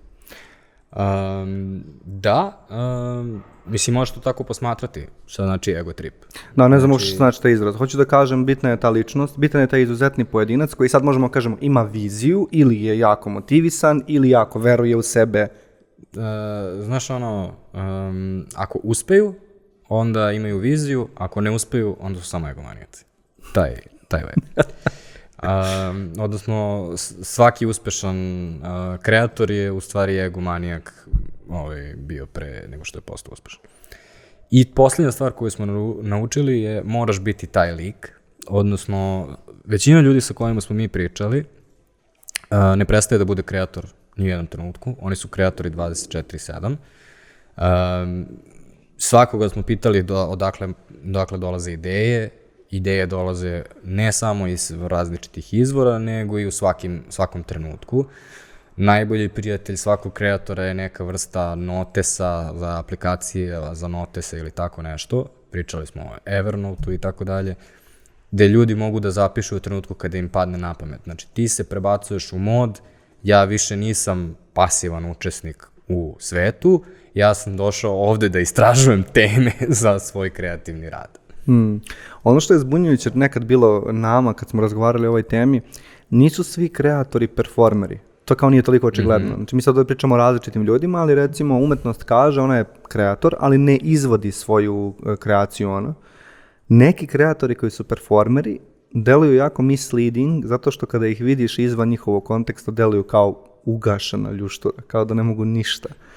I ovo je važno za podcast, podcast takođe, jer kad ti njih dovedeš u podcast, u svoj kontekst, ti ne možeš da očekuješ od njih da ćeš dobiti onaj njihov performans koji oni imaju na svom, u svom kontekstu. Tako da kreator njima i dalje postoji, ali performer nije tu. A mi ima, imali smo običaj da to nekako pomešamo i da budemo u fazonu nije mi on bio ono što, što jeste. Ali to je zapravo zanimljivo da se odvoji ta, iako je dosta kreatorske disciplina performansko, performersko, nisu sve, a performovanje je dodatni nivo kompleksnosti zato što vuče sa sobom neke rekao bih dodatna ograničenja, zakonitosti i tako dalje. Uh, sa jedne strane mislim da si u pravu, ali do duše verujem da je manjina takva. Uh -huh. uh, moj osjećaj je da većina sa kojima smo pričali su uh, sila od energije i recimo Nikola Adamović uh, koji jednostavno to, tolika količina energije koja sedi pored tebe i ti si siguran da šta god taj čovjek radi će da uspe jer nema šanse, ono, bukvalno iz, isijava iz njega. A kontra zen? Uh, ovaj, kontrazen... Uh, Je kontra toga. kontrazen je čovjek koji je u zenu, ali kontra... Ove, šalim se. Ne, ne bih rekao da je taj uh, lik, ali takođe, recimo, kada ga bocneš za nešto, uh, pošto, ne, sećaš se, on je o, ovaj ogroman, kad je ušao kroz vrata, ja sam bio u fazonu, nekako očekivao sam da će biti onaj zeka iz, iz njegovog da, profila da. i kao ulazi čovjek koji kod prilike ne može da prođe kroz naša vrata, koliki je, i kao, a kad ga bocneš na nešto što mu zaista jeste bitno, e onda izađe iz njega ta energija mm. fokusirana koja, koju vidiš u stvari u njegovom podcastu. Ili recimo, uh, dobar primjer za to je Jovan Belić, mm -hmm. uh, koji je nas kontaktirao sa svojom pričom i onda ste ga ti Radoš pozvali u podcast. I ja kad sam čuo tu priču, ja sam bio u fazonu, ovo će biti glup podcast. Uh, ono, ovde nema, nema ništa zanimljivo da se kaže. Svi smo Međutim, bili kinda, svi smo malo verovali da to možda bude fail, da. I onda je došao Jovan koji je jednostavno doneo, ono, ceo voz energije i ono, podigao celu emisiju na noge i ti si posle toga bio u fazonu. Ono, dosta ljudi nam se javljalo posle tog podcasta kao, o, baš ti super što ste njega doveli, to je bilo baš cool i tako da. To je primer uh, random epizode, epizode koja se desila random, a definitivno na neki način bila formativna u tom periodu podcasta. Jer ne znam da li se sjećaš, ali ne, uh, ubrzo nakon tog podcasta su krenule da se javljaju ideje s polja da bismo mogli da imamo jednom mesečno podcast koji je tematski predstavljanje mladih, uspešnih mm -hmm. ljudi. Primer radi, to su te ono nadovezivanja koja se neminovno desi kada se desi to neko ispuštanje energije, ajde recimo tako. I ne samo to da se povezivanja dese, nego se povezivanja dešavaju generalno između kreatora. Mm. I uh, recimo, uh, ono, Daniel iz demotivacije, uh, ono, nas se redovno dopisujemo sad na LinkedInu kao to je a thing, kao mi sad znamo, jel? Mm. Ovaj Minić koji kod nas navrati ono da popriča 3 sata u podcastu. Pa se uzeli. da. ovaj, a d, takođe sam primetio recimo um, da svi tiktokeri naši ovaj, lokalni u stvari bleje zajedno i onda svako snima svoj klip. Tipa nalaze se kod galerije tamo na promenadi ili sad su svi, uh, podelili su u dve, tri grupe i otišli na more svi zajedno. Bukvalno. Mm. Da, drže se zajedno ljudi, dešavaju se i ta preklapanja. I ne samo da se drže zajedno ovaj, lično, nego su obično deo neke kulture. Neke kulture iz koje se, ono, iz koje izlazi u stvari taj njihov kreativni rad i uh, tu mi recimo pada na pamet Željko iz Nećeš da se igraš. Aha. Uh, gde nećeš da se igraš YouTube kanal, ali u stvari zajednica ljudi koji vole board games u Subotici i taj YouTube kanal je izašao iz nečega što je u stvari njihovo kupljanje, njihov praktično klub za igranje društvenih igara i tako dalje. Mm. Drugi ekstreman primjer je Carmageddonija, gde kao cela drag kultura je ono veoma ono, je specifična, jel? Yep. Ili recimo ovaj primer BG Funka za kojeg bih rekao da je možda i najveći štreber ono muzike koje za koga sam ikada upoznao. Mm, BG Funk je zanimljiv zato što nema, on je kreator, na očigledno umetnik koji nije konvencionalno uspešan na način na koji smo e, navikli da pričamo o uspešnosti muzičara, ali nekako, bukvalno bez njega ne postoji ta beogradska scena. Mm -hmm. Ne znam kako to dobija se, on je kao neki lepak u celoj toj stvari. Svuda je bio, pojavio se u, u, na ključnim mestima pet puta sa ključnim ono, akcijama. Ne znam, neverovatne su priče. I poslednja stvar koju smo naučili je da se ideje troše. Mm -hmm. I da se ideje troše, ali kreatori ostaju um, da postoji taj zamor kreativne ideje koje svi osete. I većina ljudi sa kojima smo mi pričali, to nije njihov prvi kreativni projekat. Postoje više napuštenih kreativnih projekata. Recimo, pada mi na pamet uh, Zombijana koja je počela time što Zombijana crta Twitter i mm. tako su je većina ljudi i znali, a sada je Zombijana generalno ilustrator koji ilustruje naše živote, bavi se uh, uh, mentalnim zdravljem i tako dalje. Ili na Reelsu ima svoj animirani serijal gde da. pravi spotove za narodne pesme od animacije. Um, ali postoji trenutak kada se ono, kreativna ideja istroši, jel da? Pa da, to je trenutak kada Casey prestane da snima daily vlog, recimo. ili Milja koja je ono, voditeljka bila neki od ovih podcasta, a, njen projekat Sad Mix koji neko vreme već ne postoje jer ova jednostavno više... Je, postoji, ali ima svoje momente kada Milja samo odluči da nije, recimo nedelju dana nije aktivna jer ne prijaju to. Ali onda opet imaš Milju sa njim drugim projektima. To je zanimljivo. Kada se ovaj podcast u nekim trenucima umorio? Mm, više puta rekao bih. Um, prvi put se umorio recimo negdje na 20. epizodi, gde je prvi put neko seo i rekao, ajde, okej, šta je sistem, kao koliko planiramo unapred. Pa ne znam, to je prvi put da smo definisali taj san, kao imat ćemo četiri epizode snimljene unapred, tako nešto. To je već neki prvi moment kao kad smo već osjećali umor. A, drugi Da, put negdje oko to je- 60. mislim. E, to je jedan od problema e, našeg koncepta bio, koji Mhm. mi nismo osvestili, a to je e, kada radiš sa kreatorima koji su po prirodi imaju veoma nesređene rasporede, dosta teško isplanirati, kao što, na primjer, kada e, Vlada ili e, Ivan, to jest Vlada ili Minić, e, planiraju svoja snimanja, kao ti dogovoriš sa ljudima koji će doći u, ono, u to i to vreme, taj taj dan. kao naše, Kao, naše- dobro, možda će su uglavnom- kasniti pola sata. Ne, naši su uglavnom dok se, uh, niko nije kasnio, iskreno, ne, nismo imali dive koji su bile u fazonu Mm. dva, dva sata kasnije, ne. Ovaj, više je bio problem u tome dok se iskoordiniramo kada će da dođu. E, to je bio ono, planinarenje koje je ono, pomeranje, ljurenje i tako dalje. Mm. Bilo je kriza, definitivno. Mislim, vjerojatno se s polja to ne vidi toliko, ali bilo je i kriza i odgovora na krizu i pokušaja da se kriza prevaziđe i promjena koncepta. Mislim, nisu sve promjene koncepta toliko očigledne, ali kao ti kada promeniš neku stvar iznutra, ona ima neku implikaciju na sadržaj. Pa onda su se recimo vremenom kao nekako iskristalisale dve vrste naših epizoda podcasta. Pa su jedne bile kao snažno obojene gostima, a druge su nekako delovale internije.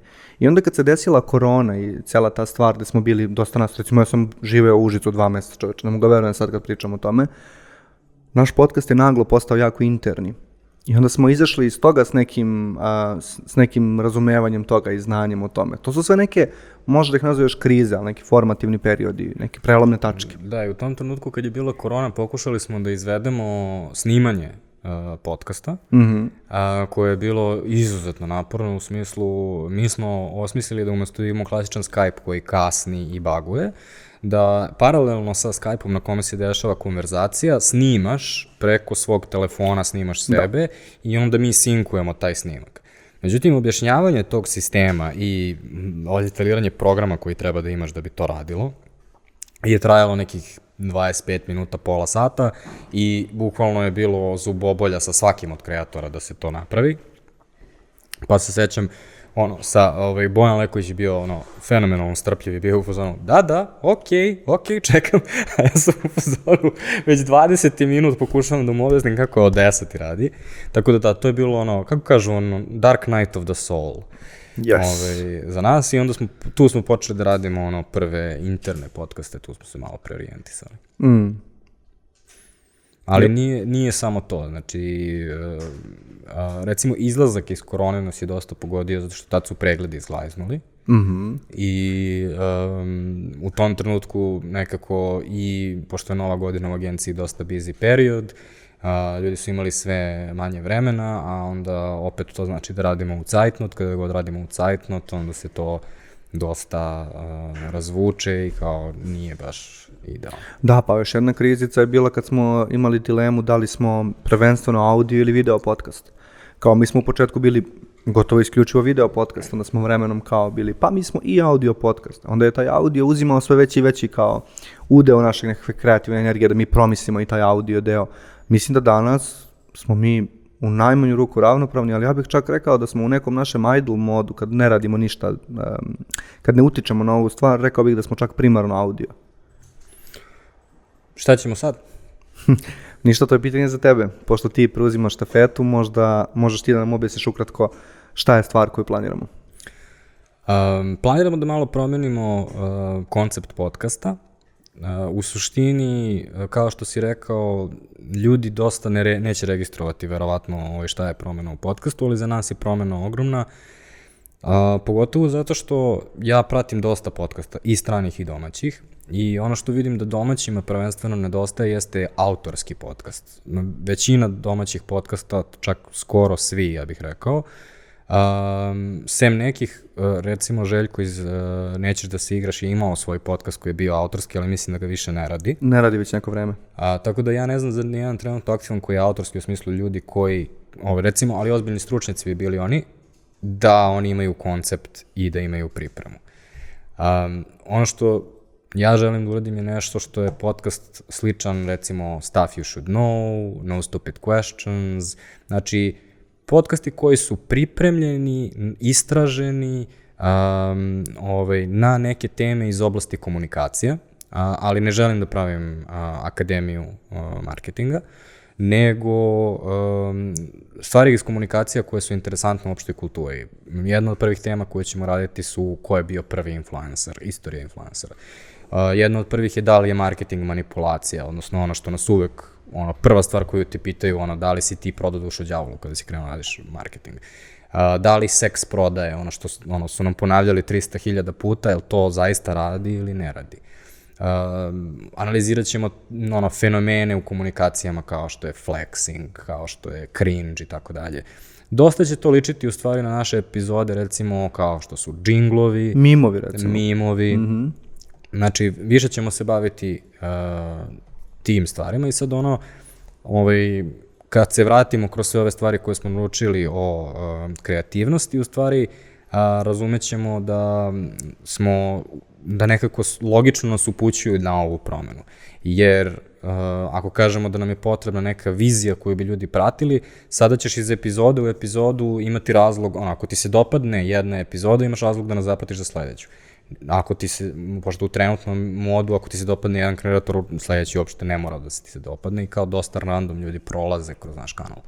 Sada će, ono, a, mislim da ćemo imati daleko manje pregleda i ovaj, pogotovo u prvom, a, u prvom periodu, ali ćemo imati nekako aktivnu bazu sa kojom ćemo znati šta gradimo. Kako će se razlikovati to kao na nivou organizacije i pripreme tog podcasta? Mislim, pomenuo si da će sve biti ono pripremljeni, ali na koji tačan način? Ko će to da priprema? Jedna, jedna od stvari koju smo, ovaj, koju nismo pričali jeste da smo mi svaki naš podcast pripremali, mm -hmm. dosta detaljno, uh, i ono što smo veoma rano ukačili je da moraš da imaš pripremljen praktično ceo podcast, ne samo pitanja, nego i odgovore, da bi to teklo, uh, bez obzira što ćeš možda dobiti drugačiji odgovor od uh, gosta, ti i dalje moraš da imaš nešto što, ono, kuda ga guraš u slučaju da gost zabode ili ne razume pitanje, pa onda odgovori nešto drugo i tako dalje. Da bi sve to teklo u nekom smeru. Mm -hmm. um, dosta gostiju koje je dolazilo nije uopšte ono, se pripremalo, ono, se ade, ono, adekvatno pripremalo i onda je dosta bilo tako konverzacijono. Sada, da, pokušat ćemo da zadržimo taj konverzacioni ton, ali ću ja i neko iz Žiške se posvetiti jednu nedelju dana pripremi neke teme ovaj, dosta detaljno, gde ćemo ono, prvo ra- razmisliti o tome šta, je, šta su tačne definicije pojma. Jer, recimo, daću ti primjer sada pri, kada pripremamo tu a, influencer a, priču, o, u stvari dosta tema i dosta pitanja da li je o, ovaj kokoška ili jaje se svodi na definiciju pojma. Šta znači biti influencer mm -hmm. ili šta znači kada kažemo veliki ili šta značimo kada kažemo uspešan. Znaš, i onda ako to ne skloniš odmah na početku podcasta, kao ono što smo mi pričali kada smo pričali od 9 do 5, šta je klizno, šta je fleksibilno, šta je punch card koji ne postoji. Ako se ne pozabaviš time na samom početku, onda ceo podcast ovaj, ode u nekom nepotrebnom smeru. O, sledeće stvari bavit ćemo se, ono, istorijski ćemo pogledati taj fenomen o kome, o kome pričamo, što je u stvari um, dosta interesantno i često ti daje u stvari podlogu da pogledaš nove fenomene nekim drugim očima. U smislu, uh, kada god pričamo o TikToku, um, ovaj, skloni smo mišljenju da je sve tu novo. Dok se ne setimo, aha, postio je Vine. I Vine je dve godine bio veoma aktivna zajednica kreatora. Ono što, ćemo, ono što bismo radili je da radimo sad o TikToku, istražili bismo konkretno o TikToku, o, e, o, konkretno o Vine-u, više o tome ko su bili tada kreatori, šta je bio sadržaj i za, ono, šta se od toga prenelo na TikTok. Hmm, da li to znači da baš isključivo nikada neće biti gosta u podcastu, već će uvek biti ta formacija ti i još neko iz Žiške ili će se ipak dešavati gosti? E, počet ćemo sa ljudima iz Žiške zbog toga što ja želim da zarolam ovaj podcast i želim da se vratim na to da imamo neke epizode u bufferu. Želim da se posvetimo uh, analizi fenomena koji su trenutno aktivni, recimo već planiram epizodu za Crni petak, onda kada bude bila nedelja Crnog petka, ovaj, ali takođe onda kada imamo neki buffer, onda imamo više vremena da se pozabavimo sa nekim ljudima koji bi, na primjer, vo, ono, volili da zajedno sa nama istraže određene teme. Mm -hmm. Dokle god se dogovorimo s njima unapred da u stvari žele da se bave, ono, ajde da istražimo taj fenomen, evo, ja sam istražio već nešto, šta ti misliš o ovome i tako dalje. To bi bilo drugačije od ovog intervju podcasta gde ne treba ništa da istražuju zato što dolaze da pričaju o svom radu i sebi što je ono što najbolje znaju. Hmm. Da li misliš da ovaj format uh, o kojem pričaš, koji će biti kao neka nadogradnja postojećeg, to je neka verzija 2.0 ili šta već, možda pogodniji za nekakav afterlife u smislu sadržaja, da će možda izdrojiti neke kraće forme dodatno. Da li, da li je to nešto što očekuješ da se desi ili već planiraš? Pa pazim, uh, kao kreatori, uh, kada kreatorima daš pažnju, to dešava se ono mu, ovaj, moljci na plamenu. Uh -huh. uh, I kada mi objavimo TikTok video i on dođe do 120.000 pregleda, bez obzira što to nije, ja smatram da to nije naš video, to je protov video, jer on priča tu o svom zvučnom potpisu. Znači, ljudi nemaju pojma da to piše Žiškara sa dole, videli su Young Prota, njegovu facu, on objašnjava. Ljudi, sve, svi komentari se bave njime. Međutim, Uh, da, od, ono, definitivno je platforma koja je veoma aktivna i vidimo da tu nešto možemo da napravimo. E sad, takođe, ja vidim da to neće biti platforma koja u stvari hrani osnovnu platformu, u smislu ne vidim to kao da će naš TikTok dovesti do toga da će nam više ljudi pratiti podcast, više vidim kao možda ćemo establishovati odvojen TikTok kao profil, mada takođe dosta je zahtevno, dosta je drugačije, Uh, posle dva sata vežbanja, uh, iz, iznošenja jednog uh, klipa sam odustao jer meni je jako teško da na taj način glumim pred kamerom i budem u fazonu gde ću sad ću da vam pričam o ovome, sada ću da vam pričam o ovome, do je ovaj lik ovde. Ne, ono, dosta je, ono, poseban je skill i rekao bih uh, mindset potreban mm -hmm. za to. Dobro, a izuzev ovih vrlo ono kao po, po, kako bih rekao, promena u backendu i tako dalje, bit će nekih promena vizualno i u samom studiju, to znači da će, ti si rekao, neće ljudi registrovati toliko tu promenu, ali ipak će postojati neke A, stvari koje da će biti moguće svi. registrovati. Da. da, to će da registruju svi, um, ovaj, jednostavno, uh, kada već, to je bukvalno bilo, ovaj, pošto, kao što smo rekli, u jednom trenutku nam se zamorio ovaj format, Uh, I onda kada sam već krenuo da smišljam i nove koncepte i nove teme i krenuo da istražujem i krenuo da pripremam, onda sam poželao nekako da koliko god to nije u suštini veliki departure za nas, jer kao što smo rekli, već smo imali epizode koje su bile na ovu, na ovu vodenicu, želeo sam da nekako dodatno obeležimo to, a ovaj, takođe setio sam se tvog krompira, ovaj, prvog... Takođe setio... Baš te ne voli ne, ne, Ja ponovim, da ne bih to i opet uradim isto. A, ajde samo mi reci kad je ovo. Uh, sat i 28. Sat 28, znači 26 na tvom. Na snimaču zvuka 28, nema veze. Na snimaču? Zvuka 28. Pa da, Mhm. Mm Šta sam pričao? Krompir, da. setio si se krompira, ali ne znam gde si išao s tim, iskreno. I setio sam se tvog krompira, ove prve epizode koje smo snimili, uh, i onda sam shvatio da uh, Pa imamo ovde neke ljude koji se bave videoprodukcijom i znaju da rade scenografiju, zašto ne bismo, za, zašto bismo konstantno bili u našem studiju improvizovanom i tako dalje, zašto ne bismo napravili neki lepi sat koji čekamo naredne nedelje. Pa strava, mislim, bukvalno u, u isto vreme nije velika promena i jeste velika promena, samo zavisi koliko ti je bitna cela ova stvar. Mislim da će biti dosta slušalaca kojima ćemo mi i gledalaca, kojima ćemo tipa za dva meseca pričati kao, e, kako vam se sviđa novi koncert podcast, oni će biti kao, koji novi podcast? Um, ja, ja mislim da će kada budemo to rekli, pošto moramo to reći negde u našem podcastu, uh mhm. -huh. koji će neki ti ljudi da slušaju. Znači ja mislim da imamo neku bazu od a, ovaj troje ljudi ovaj koji gleda svaki ono ne ne gleda svaki ali gleda često naše podcaste u smislu imaju Žiška podcast u svesti Mislim da je većina naših pregleda, između ostalog, po statistici nekih 80% ljudi koji pogledaju video na YouTube-u nije subscribe-ovano mm -hmm. na uh, Žiška podcast kanal. Što znači da većina ljudi koji dođe, dođe preko nekog gosta. I mm -hmm. onda ti ljudi koji dođu preko gosta, ja verujem da oni ni ne kontaju da su oni, ne, oni misle da su ono, njima je sve jedno da li je taj gostovao u Agelastu, gostovao u Pojačalu ili gostovao kod nas. Tako da, uh, ono, to je publika koja je publika tog gosta kome, smo, ono, kome mi otvaramo neki mediji. A paralelno sa time mislim da postoje ljudi koji ono, prate Žiška podcast, Mnogi od njih su naši kolege, na, naši saradnici, prijatelji, babe i tetke, ali mislim i baba mora nešto da sluša, jel?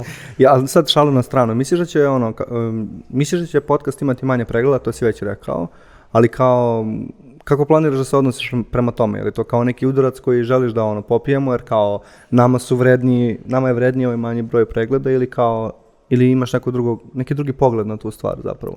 Neki udarac će se desiti definitivno sa odsustvom gostiju. Pa, neki ljudi koji pričaju sa nama ne razumeju celu ovu priču koju smo pričali prvih sat vremena. Mm -hmm. I smatraju da smo mi podcast onako o, hladno biznisovski pok pokrenuli da bismo promovisali svoju agenciju. Mm -hmm.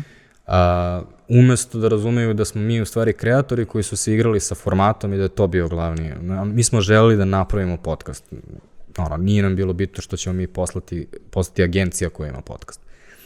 I ovde se opet ponavlja ta priča. Uh, sa aspekta uh, investicije vremena, um, zarad broja pregleda, potencijalnih lidova koje ćemo mi dobiti od toga ili kako god to da poreglaš na taj način, ovo verovatno nije, uh, nije dobar potez. Međutim, pričali smo o tome kako se ovaj, organizacija ovog podcasta su u jednom trenutku umorila zbog toga što svako od nas ima različite motivacije, tebe podcast vodi jednako kao stream, što znači ono, više se posvećuješ svom streamu, uh, isto ostali koji su ono, ra razloče sa pripremom tema i tako dalje i ja koji kada ono, uskačem imam osjećaj baš da uskačem, da ne, nisam u fazonu jedva čekam da uradim ovu sledeću epizodu.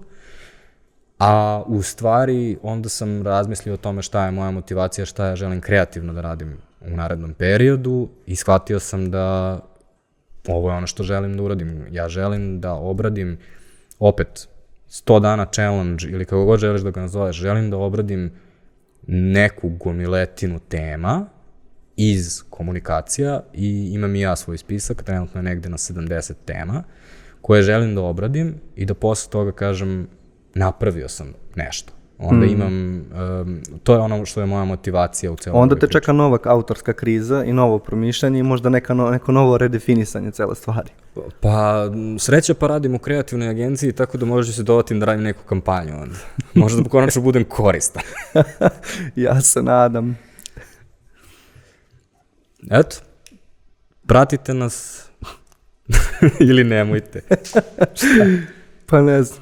Kako smo završili ovu Hoćeš stvar? ti da me pratiš, Miloše, u mojem novom konceptu? Mm, samo ako ja budem gostovao.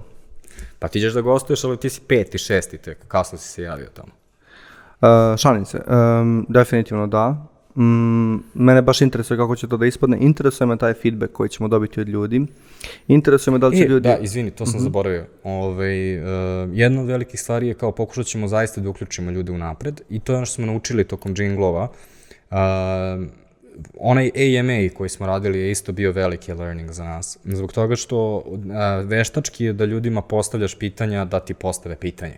Mm -hmm. To je ono, neprirodno je. Međutim, ono što je dobro radilo sa džinglovima je postavit ćemo pitanje ljudima o, o temi i kao više ćemo da se bavimo time, na primjer, pitaćemo ljude na mom LinkedInu zbog toga što je to trenutno platforma na kojoj najviše dobijamo feedbacka koji je vezan za temu. Mm -hmm. I uh, ja ću postavljati ta pitanja koja su vezana za uh, same teme i onda ću čekati a, da ono, prikupit ću odgovore koje ćemo pokušati u neki način isto da ubacimo u podcast. A, a paralelno sa time prikupljat ćemo generalno pitanja na koje ćemo imati jedno bonus pitanje koje ćemo odgovarati to posle epizode. Inače, mislim da ima nešto jako privlačno u tom uh, formatu. Mm, skoro sam, delo je kao da nije sličan primer, ali skoro je uh, Ljiljana Šipragić uh, iz Banja Luke objavila tekst koji je nastao tako što je pitala na svom Instagramu ljude koja je jedna knjiga koju biste, da morate jednu knjigu do kraja života da čitate, koja bi bila. Dobila je suman od broja odgovora, nešto u hiljadama.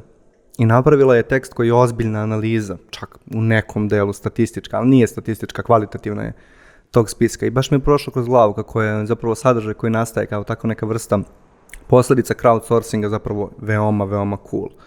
Um, tako da da, da odgovorim na tvoje pitanje, sigurno ću pratiti podcast i učestvovati na razne načine u njemu, ali takođe i u našim drugim ovaj, content inicijativama o kojima mislim da ne treba danas da pričamo, ali fair pomenuti da postoje sad neke razni, neki izdanci uh, podcasta i svih napora do sada koji su nekako um, bit će vidljiviji u narednom periodu neke stvari koje takođe pokrećemo i na LinkedInu i na, i na YouTubeu i tako dalje. Secanje je već krenulo, ali mislim da svi ti napori ne bi izgledali tako i ne bi se desili s takvom lakoćom i ne bi postali takav po- poligon za eksperimentisanje da na neki način podcast nije utabao tu stazu. Tako da meni je podcast i ta stvar, nije mi samo značajan kao sam po sebi, već i na sve druge načine koje opet preliva svoj uticaj na druge stvari.